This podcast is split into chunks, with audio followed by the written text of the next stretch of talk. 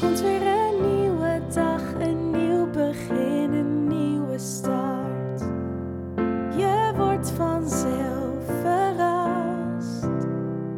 Dus lach niet, heb het leven lief. Ook al heb je zorgen, pak het met beide handen vast. Dit is de Alles is Liefde podcast.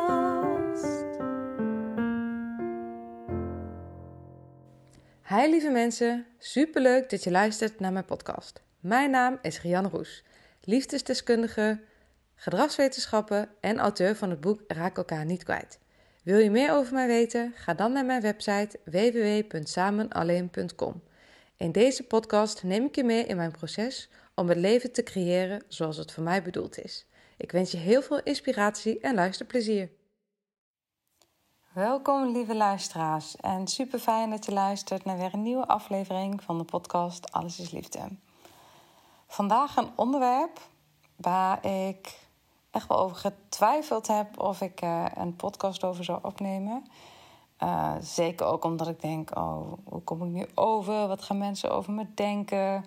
Hoe denk ik eigenlijk over mezelf als het over dit onderwerp gaat? En um, ga ik mensen tegen me in het harnas jagen?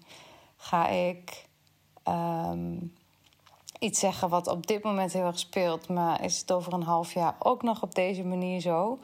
En toch voel ik de behoefte om, nou, misschien ook wel de urgentie om, om deze podcast op te nemen. En hij gaat namelijk over alcohol en over mijn relatie met alcohol en over uh, ja, hoe, die, uh, hoe ik daar eigenlijk op dit moment op terugkijk en hoe ik uh, op dit moment mij ertoe verhoud en in welk proces ik daarin zit. En ik heb jullie altijd wel meegenomen, zeker de luisteraars die al uh, langer luisteren, in mijn nou, migraineklachten, heel veel hoofdpijn. Um, ik merkte ook dat nou ja, bij een haptonoom toch wel steeds proberen um, goed te luisteren naar mijn lichaam, niet te veel over mijn grenzen te gaan. En dat ik daarin toch merkte dat, dat veel van mijn dagen bestond uit migraine. Heb ik het nou wel? Is het weg? Uh, de dagen dat ik echt werkelijk helemaal uh, knock-out lag vanwege de migraine. Neem ik wel een pil? Neem ik geen pil? Um, het beheerst gewoon heel veel van mijn dagelijks leven. Uh, als er bijvoorbeeld een leuk feestje was of een leuke uitnodiging, dan dacht ik: ja, superleuk, maar ik weet niet of ik kan komen, want ik weet niet hoe mijn migraine op dat moment uh, me in mijn tang houdt. En ergens dacht ik: ik moet iets gaan doen aan mijn levensstijl. Nadat ik gescheiden ben, is er gewoon heel lang een tijd geweest, dat is nu meer dan twee jaar geleden dat ik echt moest overleven. Alles moest opnieuw ingericht worden. Uh, ik moest verhuizen. Ik had een nieuwe werkplek nodig. Ik moest kijken hoe ik mijn bedrijf draaiende, houden, uh, draaiende zou kunnen houden. Um, ik moest het co-ouderschap, maar ook het alleenstaande ouderschap vormgeven. En dat, ja, daarin had gewoon levensstijl echt totaal geen enkele prioriteit. En ik merkte dat als ik er nu op terugkijk dat ik echt wel veel momenten dat, um, dat ik of als mijn zoontje bij zijn vader was, dan, um, ja, dan bestonden de momenten waarin ik het leuk had, toch eigenlijk bijna altijd wel uit iets waar alcohol aan te pas komt. En in de dagen dat mijn zoontje wel bij mij was en zodra hij in bed lag, dat ik dacht, hé, lekker een glas wijn. En dat ik soms zelfs bij het eten al een drankje openmaakte. En dat ik samen met mijn vriend, als we dan de weekenden de kinderen niet hadden, eigenlijk altijd samen op pad gingen. En we hebben echt geniale avonden gehad. Weekenden weg. We hebben echt raaste dingen uh, gedaan. Fantastische parties gecrashed. En we hebben echt, echt een leuke tijd gehad samen. Maar er waren ook gewoon heel vaak momenten dat ik alcohol gebruikte om uh, dat zweempje eerst de hoofdpijn te tackelen om uh, bepaalde gevoelens te onderdrukken. Om na een hele drukke dag weer een beetje te landen en te reguleren. En ik zie mezelf gewoon nog zitten in, in de deur van mijn balkon met, met een, een glas wijn of een speciaal biertje en een sigaret in mijn hand. Puur om, zie ik nu, om te reguleren. Om, zoals ik het toen zag, mezelf te belonen na een drukke dag. Of je hebt het weer volgehouden. Of ehm, weer een dag voorbij. Of je hebt zoveel kunnen doen vandaag. Of zulke mooie stappen gezet. Of alles ging kut. Dus ik, uh, ik wilde niet meer aan denken. En ik, uh, ik drink een paar drankjes. En ik uh, neem een paar sigaretjes. En dan ga ik lekker naar bed. Half verdoofd, stoned. Ja, nou ja, voor zover je stoned kan worden van, van sigaretten. Nou, die sigaretten waren al... Dat is sowieso iets waar ik mijn hele leven al een beetje zo... Af en toe rook ik een sigaretje en dan weer niet. En Um, ja, als ik gedronken had eigenlijk. Ik, dronk, ik rookte eigenlijk nooit nuchter, laat ik het zo zeggen. Dus elke keer, misschien kennen mensen dat wel, dat als je dan een paar borrels op hebt, dat je denkt, oh lekker een bukkie. Of dat je ergens bent en denkt, oh lekker even samen, samen bij elkaar staan. Of even buiten in, ja, bij de rokers om ja, de sfeer, de energie die daar is, dan op te pakken en even mee te kunnen doen. En ja, dat zijn allemaal ook wel momenten waar ik niet per se heel slecht op terugkijk. Ik heb in combinatie met feestjes en alcohol echt de tijd van mijn leven gehad. Maar ik denk ook dat ik eerlijk moet zijn en moet zeggen dat ik uh, ook echt wel momenten heb gekend waarbij ik alcohol gebruikte om, om mee te kunnen doen in het leven. Om mee te kunnen doen in de cultuur waarin ik ben opgegroeid hier in de achterhoek. En ja, eerlijk is eerlijk, 99 van de 100 feestjes zijn gewoon geen klap aan als je niet half lam bent. En um, mijn hele sociale leven, als ik even het echt bekijk over af, afgelopen nou ja, mijn, mijn jeugd en de twintig jaren, die bestonden gewoon uit minstens twee, drie, misschien wel vier sociale bijeenkomsten, feestjes, um, muziekconcerten, festivals, uh, nog meer feestjes, themaparties, weet ik veel wat ik allemaal gedaan heb. Daar hoorde gewoon drank bij. En ik denk heel eerlijk dat, dat de drank mij ook hielp om ja, me in, in die energie te kunnen mengen, om me vrijer te kunnen voelen, om uh, mijn gedachten te kunnen stoppen, om de schaamte van me af te kunnen laten glijden. En uh, om mee te doen, om een part of the group te voelen, om ja, to fit in. Dat is het, om erbij te horen op een bepaalde manier. En um, dat zeg ik echt op een neutrale manier, want het had ook echt super mooie kanten. En ik kijk echt terug op fantastische tijden. Maar ik zie nu ook dat, uh, um, dat hoe ik, hoe ik me werkelijk voelde, dat dempte ik met de alcohol die ik dronk. De gesprekken die ik eigenlijk wilde hebben, die dempte ik met de alcohol die ik dronk. Zodat het gewoon ouwe hoeren kon worden. En um, zodat ik de gekte in kon. Zodat ik uh, op tafel ging dansen. Zodat ik het gangmaker was. En degene met de leuke grapjes. En uh, ja, de adremme opmerkingen. En uh, het extraverte in mij kreeg daardoor veel meer ruimte.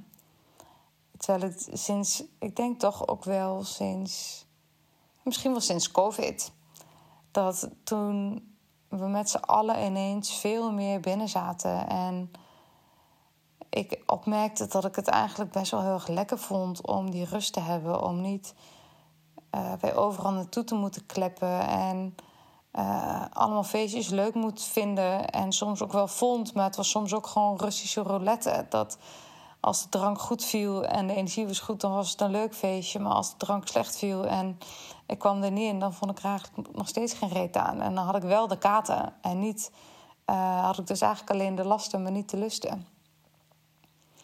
En los van al die keren dat ik gewoon echt ook stukken uit de film kwijt ben en dingen niet meer herinner. En dat je dan ochtends wakker wordt en dan denkt: shit, waar is mijn telefoon? Waar is mijn tas? Heb ik mijn pinpas nog wel? En zo'n verfrommeld gezicht wakker worden en voelen hoe erg is de kater deze keer. En ik kan je vertellen, ik kan eigenlijk echt super slecht tegen drank. Ik kan het, ehm, of kan, kon, kon het goed hebben altijd op de avond zelf. Maar mijn katers, echt de mensen die mij die deze podcast luisteren en mij kennen uit die tijd. Ik kon katers hebben, echt gewoon dood en dood ziek. Terwijl ik gewoon niet per se meer dronk of ehm, meer lam was dan anderen. De alcohol viel gewoon heel vaak heel slecht. En toch was er nooit ook maar een stemmetje in mij dat zei: ja, stop er dan mee. Je lichaam geeft al sinds jaar en dag aan dat alcohol en jij geen goede match zijn. En ehm, ik denk dat ik vanaf mijn 13e, 14e echt wel met enige regelmaat dronk. En als ik kijk naar overal, er zijn heel veel mensen die zeggen: ik drink thuis niet, maar ik ik drink dronk thuis regelmatig. Ik vond het juist heel erg lekker om, um, om in mijn eentje voor de televisie te gaan zitten en een film te kijken met, uh, met een drankje en iets lekkers erbij. En ik heb me nooit beseft hoe gek het eigenlijk is dat je in je eentje alcohol drinkt. Want ik vond het goddelijk. Ik vond het, dat was voor mij echt de tractatie van de dag. En dan kon ik altijd lekker inslapen. En ja, elke ochtend dacht ik: oké, vandaag ga ik, uh, vanavond ga ik niet drinken, ga ik gewoon op tijd naar bed. En het is echt niet zo dat ik uh, elke avond een fles wijn leeg dronk. Maar er stond wel, nou, ik denk toch wel van de doordeweekse avonden, drie à vier van de avonden stond toch echt wel een, een wijntje of een biertje op mijn, uh, nou, in mijn hand, op mijn tafel of hoe je het ook kon noemen. En en eh, toen was het afgelopen zomer. En ik merkte gewoon, ik wil iets aan mijn levensstijl gaan veranderen. Ik eh, was aangekomen, ook doordat ik me gewoon niet zo uh, bezig hield met wat ik at. En dat ik vaak ook wel te veel eten at, denk ik. Um, gecombineerd met alcohol, snijden niet fit zijn en die migraine. Dat is toch voor mij echt wel een, een, een hele belangrijke pijler om, ja, die bepalend is voor hoe ik mijn kwaliteit van leven ervaar. En ik dacht, ik ga daar dingen in veranderen. Ik ga minder alcohol drinken. Ik ga gezonder eten. En ik weet nog dat ik, dat is echt al meer dan tien jaar geleden, ooit begon met de hormoonbalansfactor, of hoe heet het ook precies, van Ralf Moorman. En dat ik me daarin toen echt helemaal vastgebeten heb en ook aan die kant een beetje um, kon doorslaan. Um, en dat ik daarin merkte, in die tijd voelde ik me wel gewoon fitter. En de keerzijde van die tijd vond ik juist heel erg dat als ik dan een keer een etentje had, dat ik eigenlijk niet naar het etentje wilde, omdat, oeh, wat als ik iets eet wat niet uh, in het uh, hormoonbalansdieet past. Dus daar, daar had ik ook niet helemaal de balans. En toen had ik de regel: in het weekend maakte het niet uit. Maar in het weekend dronk ik dan weer. En dan was ik daar weer brak van. Dus genoot ik ook niet heel erg. Um, en was de balans in die zin, bestond die uit zo twee contrasten. dat hij misschien gemiddeld genomen wel in evenwicht was. maar ook een beetje twee levens omvatte of zo. En toen raakte ik in verwachting. En um, nou ja, toen had ik zoveel cravings dat vanaf dat moment eigenlijk alle dieetplannen weer een beetje uh, overboord waren gegooid. Maar afgelopen zomer herinnerde ik me, me, daar weer aan dat ik dacht: hé, hey, dat was een tijd waarin ik me kan herinneren dat ik minder hoofdpijn had, los van de katers. En, um, en toen kwam ik bij toeval op de podcast ook uit van Jessie. Ik weet even niet hoe ze heet. Jessie's Diary. En um, samen met mijn vriend zeiden we: Weet je, we gaan echt minder alcohol drinken. We gaan ons focussen op onze bedrijven. Ik, dat was ook, is ook naast dat de migraineklachten uh, een motivatie zijn, is het ook dat ik voel: ik wil fit zijn in mijn bedrijf.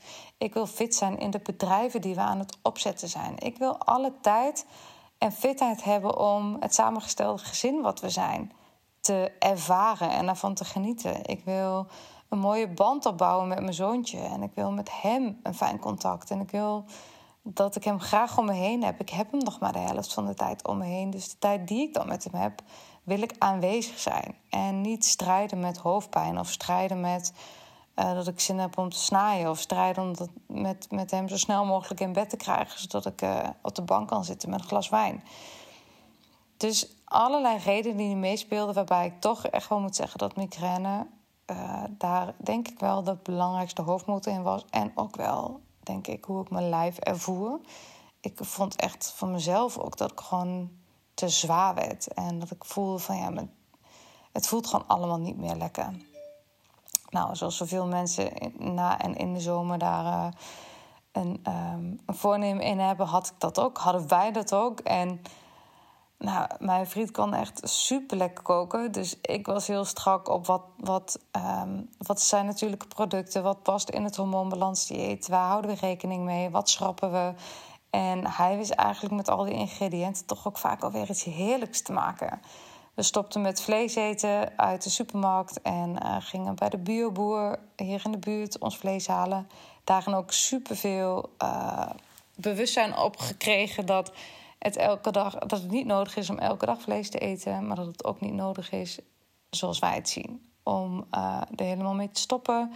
Dus zo eten we nu denk ik drie keer in de week um, van de bioboer uh, alleen maar rund of kip. Ik ben ook gestopt dus met het eten van varkensvlees. En we zeiden we kappen met die alcohol door de week. Ja, dat was een uh, goed plan. En zo was het dat we eigenlijk in de hele maand augustus geen alcohol dronken. En dat we gezond gingen eten. En dat, um, dat we echt wel door een mega... Laat ik voor mezelf spreken, want het is uh, mijn podcast. Dus ik ga weer even over op de ik-vorm. Um, dat ik echt wel een kater heb gevoeld en, en me slecht voelde. Maar ook herinnerde, ja, dit is echt wat, wat, wat mijn lijf aan het doen is. Als ik, of hoe ik me voel als mijn lijf aan het afkicken is van allerlei slechte gewoontes.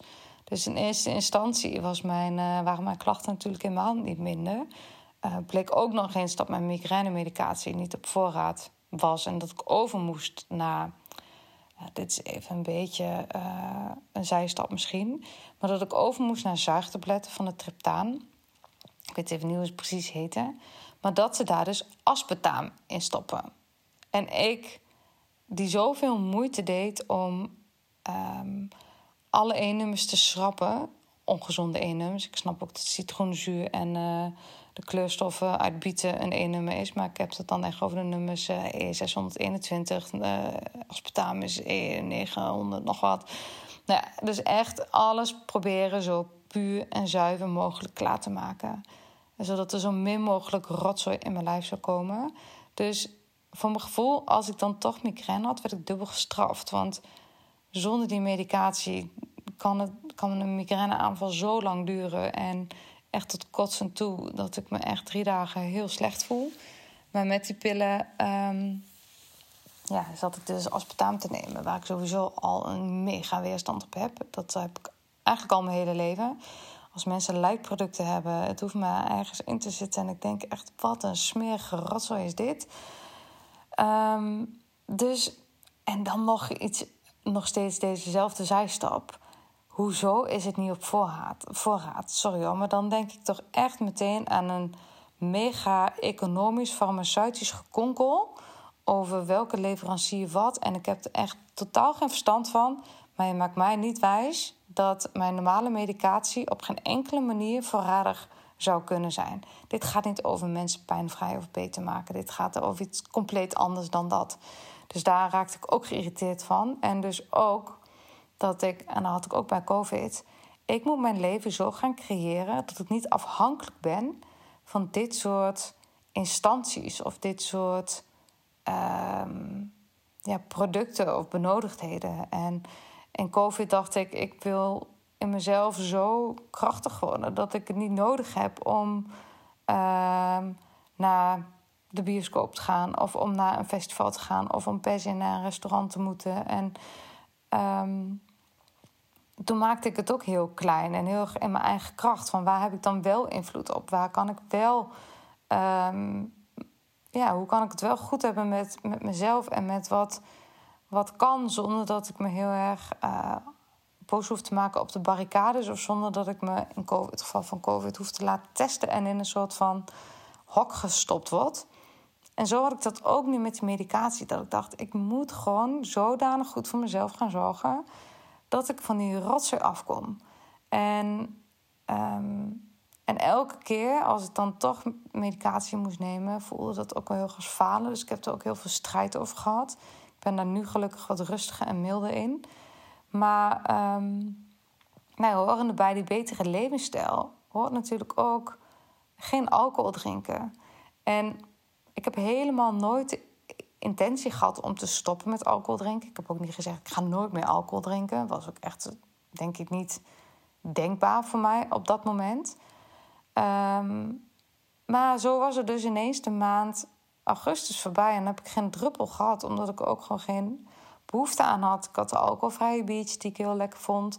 Ik heb zo'n dat gember shotje een beetje uitgevonden. Of uitge ik heb het niet uitgevonden, maar in mijn leven heb ik het uitgevonden.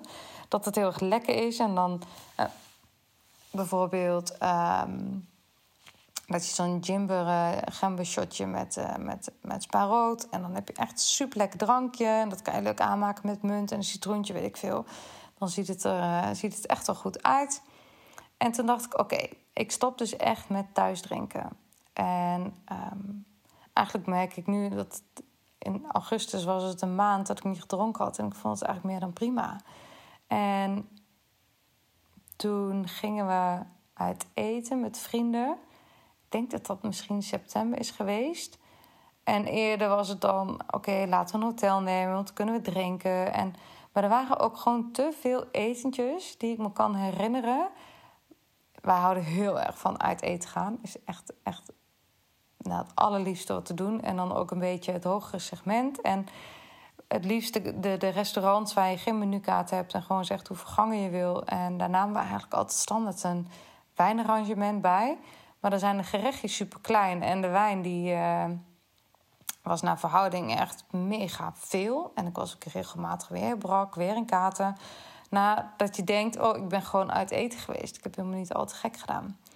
En toen ben ik al overgegaan op een Bob ehm, arrangement. En toch ook toen vond ik de wijn een soort van niet meer zoveel bijdragen. Ik merkte dat, ehm, ja, dat ik daar gewoon een verandering in wilde. Ik, vond, ik vind het eten heel erg lekker. Ik wil van het eten genieten. En ja, het klopt dat een slokje wijn gecombineerd met eten echt een smaakexplosie in je mond kan geven. Um, maar de hoeveelheid wijn is zelfs een poparrangement is dan gewoon te veel. En um, maakt nog steeds dat je niet kan rijden. Of dat je nog steeds allerlei capriolen moet uithalen met spullen pakken, tassen pakken, inchecken in een hotel. En voor een etentje, omdat je zo nodig alcohol moet drinken. Dus in september zei ik, um, en dat vond ik ook heel spannend, maar ik zei dus: ik ga wel rijden. En uh, mijn vriend zei: ja, ik hoef eigenlijk ook geen alcohol. Dus um, dat vind ik dan ook wel iets fijner. Niet dat de een helemaal lam is en de andere uh, naar huis rijdt en de een ligt te ronken en de andere uh, op de weg moet letten. Dus we zaten er ook heel erg samen in, wat super fijn voelt. En ik vond het spannend omdat ik. Dit waren vrienden die, die we eigenlijk nog niet heel lang in deze constructies zo ontmoeten. En zij dronken, drinken wel alcohol. En, maar achteraf kwamen zij dus ook gewoon lekker met de auto. Ze komen uit Rotterdam en um, we hadden in Den Bosch afgesproken bij ons lievelingsrestaurantje. En Marieke, ik ga gewoon je restaurant noemen. Het is Le in, uh, in Den Bosch. Super lekker gegeten daar, elke keer weer.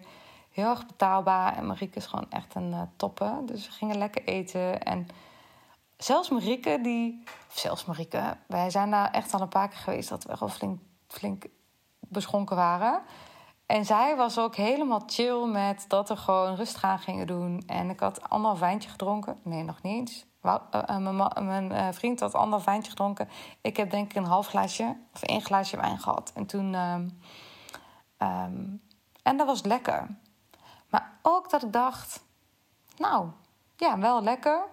Maar ik had het ook wel zonder drankje afgekund. Het is dan meer dat je mee wil doen of mee, mee wil starten met, ja, met de borrel of zo... die we dan dat je dan elkaar ziet en dat ja, dan toosten met een glas spa blauw is toch echt, echt een stuk minder beleving. Moet ik toch eerlijk over zijn. En, um, maar die avond, ik werd ochtends wakker en ik dacht: dit is lekker. Ik heb super lekker gegeten. Ik heb super mooie gesprekken gevoerd. Ik heb me heel erg uh, fijn gevoeld in dit groepje. Ik heb me heel gezien gevoeld. Ik word goed wakker. Uh, ik kan me nog herinneren wat ik gegeten heb. En um, volgens mij zei ik het net al. nu moet ik, wil ik eigenlijk een grapje maken over mijn eigen drankgebruik. Dat mijn geheugen nog steeds aangetast. Maar um, nou ja, het werd in ieder geval werd ik gewoon beloond. Puur door hoe ik me voelde. En door hoe ik me de avond herinnerde. En dat ik dus ook zuiver kan voelen van... ja, deze mensen passen bij mij, bij ons... We hebben echt hele mooie gesprekken gevoerd. Die niet door alcohol doorgoten waren, maar ja, die echt puur waren van mens tot mens. En over mooie onderwerpen. En ja, het ging echt ergens over. En we hebben ook gelachen, maar het was helemaal. Het was echt fijn. En toen dacht ik, ja, sorry jongens, maar waarom nog alcohol drinken? En in die tijd waren we, denk ik, al een maand of twee of zo bezig, zes weken.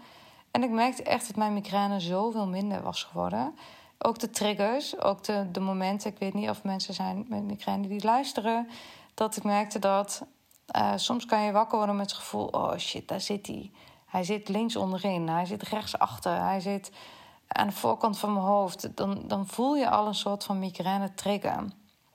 En die kan soms wegtrekken, maar die kan ook in een mega-aanval uh, tot een mega-aanval leiden. En ook die triggers waren zoveel minder geworden dat ik me ook zoveel relaxter begon te voelen. Echt. En het geloof het of niet. En het kan ook door timing komen, door heel veel andere dingen die ik die veel beter op zijn plek vallen op dit moment in mijn leven. Maar dat ik merkte, zakelijk komen er zulke mooie kansen op mijn pad. Er komen zulke mooie mensen op mijn pad waar ik me zo door geïnspireerd voel. En daar wil ik tijd en aandacht voor hebben. Ik wil die creatieve stroom die door me heen gaat gebruiken om mooie plannen uit te werken. Om ja, gewoon echt te leven in plaats van te overleven. Dus echt het leven te nemen. Het leven te nemen wat voor me is. En, um, dus uiteindelijk komt het er nu op neer. Oh, en toen had ik nog... Uh, mijn vriend was jarig in oktober. En ik had uh, een weekend weggeregeld en het liefst, het stond er heel lang op ons lijstje om naar uh, Rosario te gaan in Helmond. En de avond dat ik het hotel had geboekt, uh, was Rosario vol vanwege een evenement. Dus ik dacht, shit. Maar ik wilde wel heel graag daar naartoe. En ik had iemand ook gevraagd van, joh, weet je, heb je nog een alternatief voor Rosario? En hij zei, ja, Nastrim is ook heel lekker in Helmond. En toen dacht ik, weet je wat, we gaan er gewoon een culinair weekend van maken. En um, het zijn allebei twee restaurants die in de Lekker 500 staan. En ja, dat is gewoon een beetje ons ding. En ik denk, boeien, we, uh, we gaan het gewoon zo uh, regelen. Dan gaan we op zaterdagavond naar Nastrium en op zondagmiddag naar uh, Rosario. En ik dacht, het is feest. Weet je, we doen op zaterdagavond neem ik lekker een wijntje mee. Heb ik een wijnarrangement genomen. Bob arrangement. Omdat ik ook echt niet het idee had van ik mag nooit meer drinken. En ik heb ervan genoten. En toch voelde ik de ochtend erna dat katergevoel. Ik voelde me niet super lekker. Ik moet eerlijk zeggen dat ik niet 100% fit was. Maar dat, uh, dat had niks te maken met alcohol of eetgedrag, maar gewoon een griepje, virusje. Mijn vriend was die week ervoor ook ziek, zijn dochter was ziek. Nou, dus ik heb daar waarschijnlijk iets van opgepikt. Maar ik werd wakker en ook de dagen daarna, er zat een soort van rare zweem aan stemming in mij. Dat ik dacht, dit heb ik lang niet gevoeld. Dit is echt totaal niet fijn, niet relaxed. Ik voelde me niet open, niet niet ontspannen, een soort van sluien, een beetje somber gevoel. En um, ik dacht, dit, dit ken ik eigenlijk helemaal niet meer van mezelf. En toch herinnerde ik me aan, ik denk, oh ja, maar zo voelde ik me heel vaak na alcohol. Dus voor mij opnieuw dat ik dacht, ja, ik ga het gewoon niet meer doen. En het is heus niet zo dat ik mezelf verbied om ooit ergens een slokje wijn te drinken. Want uh, de dag daarna gingen we naar Rosario. Serieus mensen, dat is zo lekker. Ik denk dat ik echt nog nooit van mijn leven zo lekker heb gegeten. En ik had ook, ze, hadden, ze belden in die week voordat ik gereserveerd had om de reservering te bevestigen. En toen gaf ik ook aan, we drinken geen alcohol. En daar was ik meteen netjes rekening mee gehouden. Kregen we een gingerbiertje, uh, bij, of een gingerbier, ja, bij binnenkomst in plaats van een shotje. En uh, een super lekker alcoholvrije bubbel om toch als aperitief te kunnen starten. Dat stukje beleving, ja, dat voel ik dan toch echt wel. En die aperitief in plaats van van die zure bocht die je heel vaak uh, krijgt als je een uh, alcoholvrije wijn drinkt, was dit mega lekker. En um, ze hadden een alcoholvrije cocktail gemaakt. En het eten, jongens. Sowieso de keuken van Rosario matcht vind ik persoonlijk niet mega met, met uh, wijn. Um, Nastrium was ook een beetje het Indonesische invloeden die erin zaten. En ik vind het dan niet super toch niet super matchen met de wijn. Of ik vind elkaar niet versterken. Zoals dat bijvoorbeeld bij de Franse keuken wel veel meer kan. Vind ik persoonlijk. Maar goed, het is geen culinaire podcast. Maar uh, dat is wat ik ervoer. Dus voor mij was het ook prima. Ik heb twee van die uh, bubbels gedronken bij het diner. En voor de rest lekker water. En mijn vriend had gezegd van... Ik, ik, ik kan wel alcohol, alcoholvrij is helemaal goed. Kies maar wat jullie ons adviseren. En toen was er bij de één gerecht de bekende rendang van... Um, van Rosario. Dat, dat, uh, dat de open zei, hoe heet dat zo, open in, die, uh, in dat segment? Geen idee, het zal wel. Um, dat zei, als je een wijntje wil drinken, moet je hem nu drinken. Nou, en dus uh, Wout zei, ja, dat doen we. Neem maar, ik neem nu een wijntje. En dan neem ik een slok. En dan proef ik, ja, dat is lekker. En dan denk ik, oh, ik hou het gewoon bij mijn watertje. En um, helemaal prima. En ik ging veel fijner naar huis. Ik, uh, we moesten ook van Helmond nog uh, naar Winswijk rijden. En ik dacht, ik heb zo lekker gegeten. Ik vond het zo'n fijne beleving. Ik heb echt genoten. Ik heb van elke, ja, elke, elke smaak, elk ingrediënt heb ik echt genoten. En toen dacht ik, wat een verademing. Voor mij was het echt een soort van yes. Want voor mij was wijn en spijs zo, of is wijn en spijs nog steeds wel een beetje heel erg met elkaar verbonden.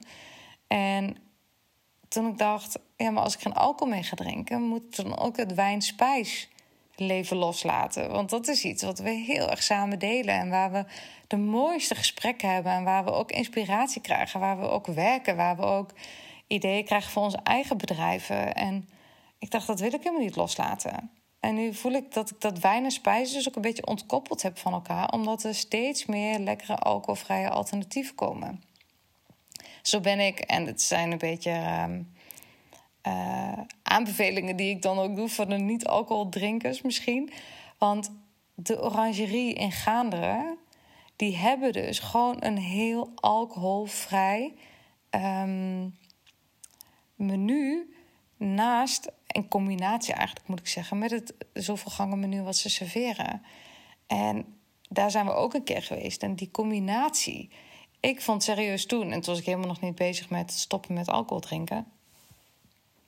Maar ik vond toen de alcoholvrije cocktails, drankjes, constructies, echt kunstwerkjes wat het waren. Vond ik lekkerder dan het poparrangement wat we er ook bij hadden. We waren toen met de auto, dat weet ik nog. En dat we zeiden, oké, hoe gaan we dat doen? En nou, dat is echt van alle restaurants waar ik geweest ben... en dat zijn er inmiddels echt al veel... is de Orangerie met hun alcoholvrije um, menu... horende bij het, bij het, uh, bij het zoveel gangen menu ja, echt fantastisch. Dus echt, dat is de beleving van, van wijn en spijs. Alleen dan niet wijn, maar gewoon de drank. Een combinatie van het drinken en het eten als 1 plus 1 is 3. En nu voel ik gewoon zo sterk. Alcohol is voor mij nog maar 1%. Ik, um, ik zeg niet, ik verbied mezelf niet. Ik mag nooit meer dat dat, um, dat, dat geloof ik ook gewoon niet zo in. Want ik geloof in hoe meer je jezelf dingen verbiedt, hoe aantrekkelijker het wordt. Dat recalcitrant heb ik dan ook alweer in me. En het mag, maar het hoeft niet. Dat is nu een beetje mijn motto. En ik ben me ook veel bewuster van wat het me kost als ik wel alcohol drink. En dat geldt ook voor um, uh, al die eenums eten of... Uh, als ik nu een chipje eet, eet ik gewoon de biologische aardappelchips met zeezout. En niet meer uh, een hele zak Doritos, wie echt gewoon waar de ene er vanaf springen zodra je er eentje in je mond stopt. Dus alles is gewoon met zoveel meer bewustzijn. En dat is echt een proces waar ik afgelopen jaren in heb gezeten. En daar ben ik nog helemaal niet klaar mee, want ik geloof ook dat dit een reis is. Een avontuur die me elke keer weer nieuwe inzichten brengt. En wat ik aan het begin van deze podcast ook zei, vind ik het ook spannend, omdat zoiets kan ook heel tijdelijk zijn. Want ik heb dit in 2012 niet qua alcohol, maar wel qua eten ook heel goed opgepakt. En qua spotten. En natuurlijk, als je er middenin zit, is het heel makkelijk om te gaan lopen prediken en gaan lopen vertellen over hoe het voor jou is. En uh, deze podcast is ook echt totaal niet bedoeld om je over te halen, om je op een bepaalde manier uh, uh, je levensstijl te gaan veranderen. Het is echt voor mij een manier in de hoop om de mensen die in hetzelfde proces zitten te inspireren. En voor anderen misschien om een, als het toch triggert, om, om er eens over na te denken van hé, hey, hoe werkt dit voor mij? Maar als je voelt van ja, hier ben ik totaal niet mee bezig in mijn leven. Of dit roept me totaal niet. Of ik heb helemaal geen zin om ermee bezig te houden. Omdat ik in een hele andere fase zit. Waarin ik uh, te overleven heb. Want als je mij dit twee jaar geleden had gezegd, had ik gedacht: ja, Joe, echt, ik ga bijna kopje onder. Ik vind het allemaal hartstikke ingewikkeld. En veel verdriet, veel rouw. Als je me nu al mijn eten en al mijn drinken ook nog af gaat pakken zo voel, had het dan gevoeld, weet ik 100% zeker. Dan ehm, had ik dat gewoon niet kunnen dragen. Dus ik geloof ook heel sterk in voor alles zijn eigen tijd en timing. En, ehm, en voor mij is dit het op dit moment. En ik hoop dat het zo blijft. Dat ik ehm, mezelf het zo waar blijf vinden om op deze manier goed voor mezelf te zorgen. En dat ik op de een of andere manier ook meer ruimte nog gaan maken om ook fysiek in die zin fit te worden. Dat ik wat, weer wat betere, uh, ja, wat meer ga spotten buiten. Gewoon. En dan niet uh, in een sportschool. Want ik heb gewoon gemerkt, het is niet zo mijn ding. Maar ik heb een jut op een landgoed. Ik moet daar echt met gemak een outdoor training kunnen doen. Ik heb een man die outdoor training geeft. Die mij met liefde zou coachen. We hebben laatst voor de fotoshoot van onze nieuwe bedrijven uh, hebben we uh, een fotoshoot gedaan met de TRX en met het, uh, met het Battle Rope. En ik vond het heerlijk om weer te trainen. Dus weet je, ik ben er zeker nog niet. En ik denk ook niet dat ik ooit ga zijn, want het stopt pas als je dood bent, voor mijn gevoel. Dus ja, ik heb daar. Ik zit daarin in proces, maar ik voel wel dat ik voor het eerst sinds lange tijd voel ik dat ik nu echt aan het opbouwen ben. En dat dingen op hun plek beginnen te vallen. En dat het zakelijk helemaal stroomt. Dat het samengestelde gezin zijn plek krijgt. En dat ik met mijn zoontje heb een band op dit moment die ik echt heel mooi en bijzonder en waardevol vind. En uh, het voelt heel erg als samen. En toch voel ik wel echt als zijn moeder. Dus niet in de vorm als oh, ik ben zijn vriendin. Maar het voelt wel. En energie stroomt er tussen ons. En dat voelt heel fijn. En um, ik kan er ook veel meer voor zijn, voel ik. Ook al ben ik er maar de helft van de tijd. Wat dan wel weer kut is, maar tegelijkertijd ook weer heel veel ruimte geeft in, in andere dingen die ik wil doen in mijn leven. En ik heb een zoveel betere relatie met mijn lijf. Ook doordat ik de, de, de haptotherapie uh, nu meer dan anderhalf jaar al doe, wat me heel veel brengt. Ik ben me veel bewuster van mijn cyclus en probeer daar ook naar te leven. Of daar in ieder geval op een bepaalde manier rekening mee te houden. Ik heb een man die daar heel erg mee over met mij in gesprek is. En, en daarin ook samen is en mij de ruimte geeft die ik nodig heb als, nou ja, als daar de behoefte voor is. Nou, dat is misschien iets voor een andere podcast. Um, maar al met al voel ik gewoon dat ik heel erg het opbouwen ben. Dat dingen op hun plek vallen. En dat ik in alle relaties die te doen voor mij in mijn leven op dit moment. En dat is de relatie met mezelf, de relatie met mijn familie, de relatie met mijn man, de relatie met mijn kinderen, de relatie met zijn kinderen. Dat dat rustig wordt, dat ik daar beter voor zorg. En ik weet gewoon dat het met heel veel dingen tegelijk te maken heeft, maar dat het ook zeker te maken heeft met het feit dat um, de alcohol uh, in de kast staat. En wat mij betreft blijft staan. En dat het eten voedzaam en gezond is. En is om, te, om van te genieten. En om een familiemoment mee te hebben. Of om samen een moment mee te hebben. En niet meer een manier is om emoties of gedachten te dempen.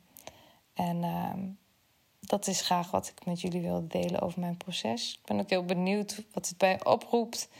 Of het überhaupt iets is waar je uh, over nadenkt of mee bezig bent. Of dat het iets is waar je misschien al veel verder in bent dan ik. Want daar ben ik me ook heel erg van bewust dat dit voor mensen die al heel bewust en lang mee bezig zijn, echt denk, ja, waar heb je het over? Dit is echt totaal niet uh, waar ik ben en ik ben al veel verder. Misschien zit je op een gelijksoortig proces. Weet dat ik het altijd super leuk vind om, uh, om daarover iets van je te horen. Nou, voor nu wens ik je nog een hele fijne dag en uh, tot de volgende podcast.